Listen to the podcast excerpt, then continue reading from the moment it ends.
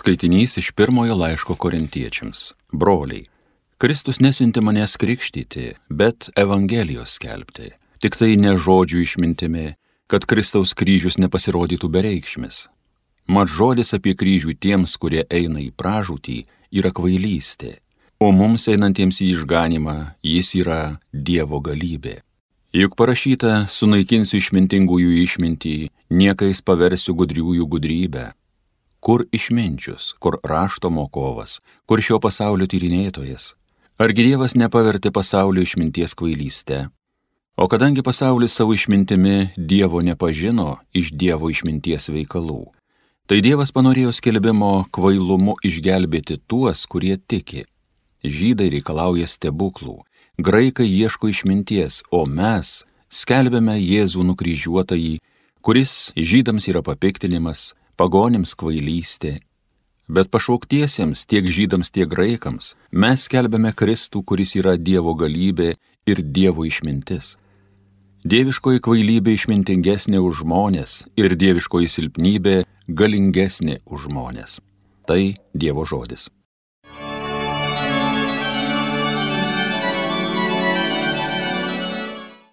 Viešpaties malonių pilna yra žemė Džiūgaukit viešpačiui teikdami šlovę, teisėjai, teisiesiems garbinti dera, kankliais viešpatį skelbkit, jam dešimtstygę skambinkit arfą, viešpaties malonių pilna yra žemė.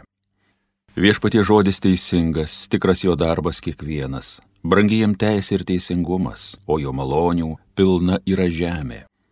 Viešpaties malonių pilna yra žemė. Viešpat suardo kėslus pagonių, užmačias jų jų niekais paverčia, viešpaties nuosprendžiai tveria per amžius, iš kartų į kartas eina jo mintys. Viešpaties malonių pilna yra žemė. Alleluja.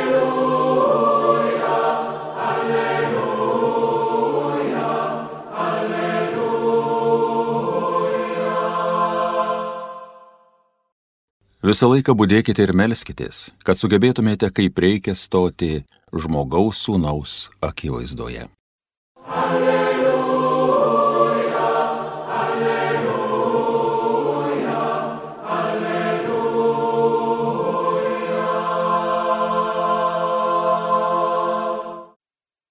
Viešpat su jumis, pasiklausykite Šventuosios Evangelijos pagal matą. Jėzus kalbėjo savo mokiniams. Su dangaus karalyste bus panašiai kaip su dešimtimi mergaičių, kurios pasiemusios žibintus išėjo pasitikti jaunikio. Penkios iš jų buvo paikos ir penkios protingos. Taigi paikosios pasiemė žibintuvus, o nepasiemė alyvos. Protingosios kartu su žibintais pasiemė induose ir alyvos. Jaunikiui vėluojant visos ėmė snausti ir užmygo. Vidurnaktį pasigirdo balsai. Štai jaunikis, išeikite pasitikti. Tuomet visos mergaitės atsikėlė ir taisėsi žibintus. Paikosios sakė protingosioms. Duokite mums alyvos, nes mūsų žibintai gesta. Protingosios atsakė kad kartais nepristiktų ir mums, ir jums, verčiau nueikite pas prekiautojus ir nusipirkite. Joms beinant pirkti atėjo jaunikis, kurios buvo pasiruošusios, įėjo kartu su juo į vestuves ir duris buvo uždarytos. Vėliau atėjo ir anos mergaitės ir ėmė prašytis. Gerbiamasis atidaryk, mes čia. O jis atsakė, iš tiesų sakau jums, aš jūsų nepažįstu. Taigi būdėkite, nes nežinote nei dienos, nei valandos. Girdėjote viešpaties žodį.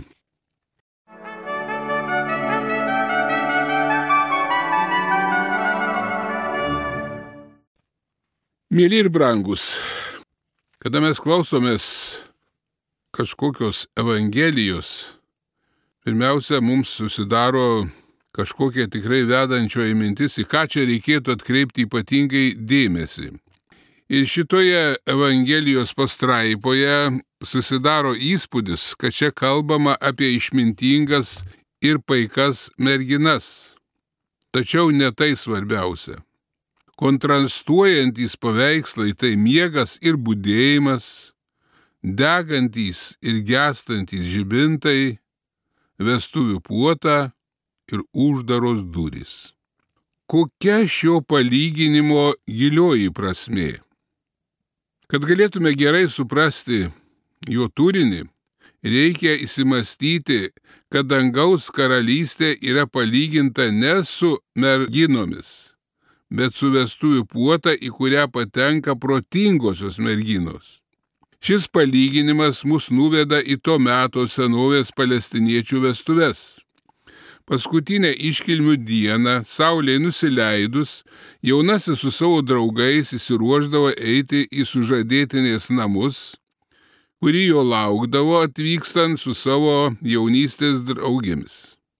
Geras tonas reikalavo, kad jaunasis pavėluotų, o pamergės privalėjo išeiti jo pasitikti. Nakties tamsą išblaškydavo žibintų šviesa. Abi vestuvių virtinės jungdavosi į vieną ir taip skubėdavo į jaunojo namus, kur vykdavo vestuvių puota. Ką galėtume mes išvelgti šitame palyginime? Dešimt merginų išėjo pasitikti, jų draugės mylimojo. Eina laikas, bet nesimato žibintų ir nesigirdi pabrolių garsų. Pavėlavimas, nors jo ir buvo tikėtasi, pasirodo labai ilgas. Miego nuvargintos visos merginos užmygo Bet vidurdaktį pasigirdo balsai, štai jaunikis išeikite pasitikti. Baigėsi laukimas, bet ne visos merginos sulaukė vestuvių iškilmių. Tos, kurios nepasijėmė pakankamai aliejaus, turi bėgti nusipirkti į parduotuvę. Kaip tik toje vietoje pasakojimo esmė nutrūksta palestiniečių vestuvių realiją svarstant. Ar įmanoma, kad jaunasis ateitų vidurnaktyje? Ir kokia prasmė merginoms neturinčioms aliejaus sakyti, kad vidurnaktį eitų į parduotuvę nusipirkti? Kur rasti naktį aliejaus? Kada merginos grįžta, namų duris, kur vyko vestuvės, bus užsklestos. Už durų girdėjosi šventinė nuotaika, bet už tų pačių durų susitinkame ir griežtą teisėjo veidą. Jaunikio balsas ledinis ir lėmes nelaimė. Iš tiesų sakau jums, aš jūsų nepažįstu. Ką tai reiškia? Kaip tokia džiaugsminga vestuvio akimirka jaunasis gali būti toks žiaurus? kaip tik, vad brangiai, šitoje vietoje, kur pasakojamės nebesiharmonizuoja su realia gyvenimo tikrove, atsiranda tai, kas mums yra svarbiausia. Nakties aplinka tai paveikslas, kuris tobulai parodo pavėlavimą vidurnaktyje. Iš kitos pusės pamatome netikėtą charakterį to, kurio buvo laukiama Taip pat parodoma, kaip laukiant lengva užsnūsti. Jaunasis ir vestuvės tai simboliai, kurie mus nukelia į mesijaninius laikus. Pagaliau aliejus, apie kurį girdėjome, tai mesijaninis ženklas, nes juo būdavo patepami karaliai. Jaunasis yra Kristus, kuris ateina į teismą. Pirmykštėje krikščionių bažnyčioje tvyrojo labai didelė eschatologinė įtampa. Krikščionys buvo įsitikinę, kad Kristus vėl ateis netrukus. Jiems laukimo laikas pasidarė labai ilgas. Jie norėjo sulaukti pakartotino Kristaus ateimo ir sutikti ateinantį Kristų ir patekti į jo puotą.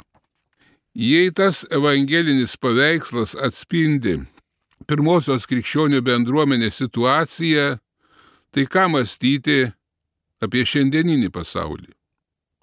Palyginimas kalba, kaip atrodys Kristaus ateimas ir jo mesijaninės vestuvės. Tai bus džiaugsmo valanda. Jaunojo rūstybė primena, kad susitikimas su viešpačiu tuo pačiu yra ir šventė, ir teismas. Nepakanka būti pakviestam, reikia būti tam pasiruošus. Paskutinėje palyginimo žodžiuose Taigi būdėkite, nes nežinote nei dienos, nei valandos. Griežtąją prasme atrodo šitie žodžiai nesiderina su prašyta Evangelijos pasakojimo logika. Čia kalbama apie asmeninį pasiruošimą, pastoviai gyvą pasiruošimą.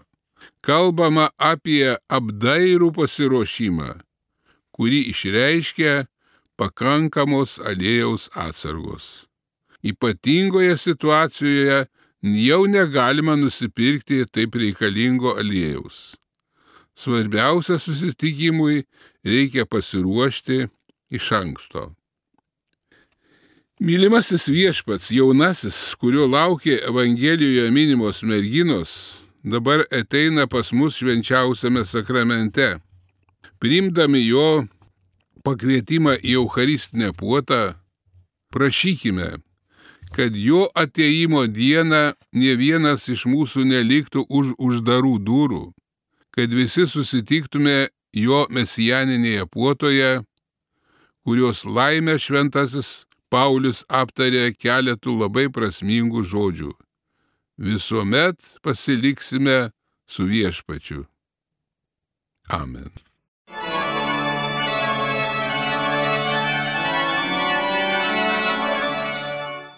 Homilija sakė profesorius, habilituotas teologijos mokslų daktaras, prelatas Vytautas Steponas Vaičiūnas.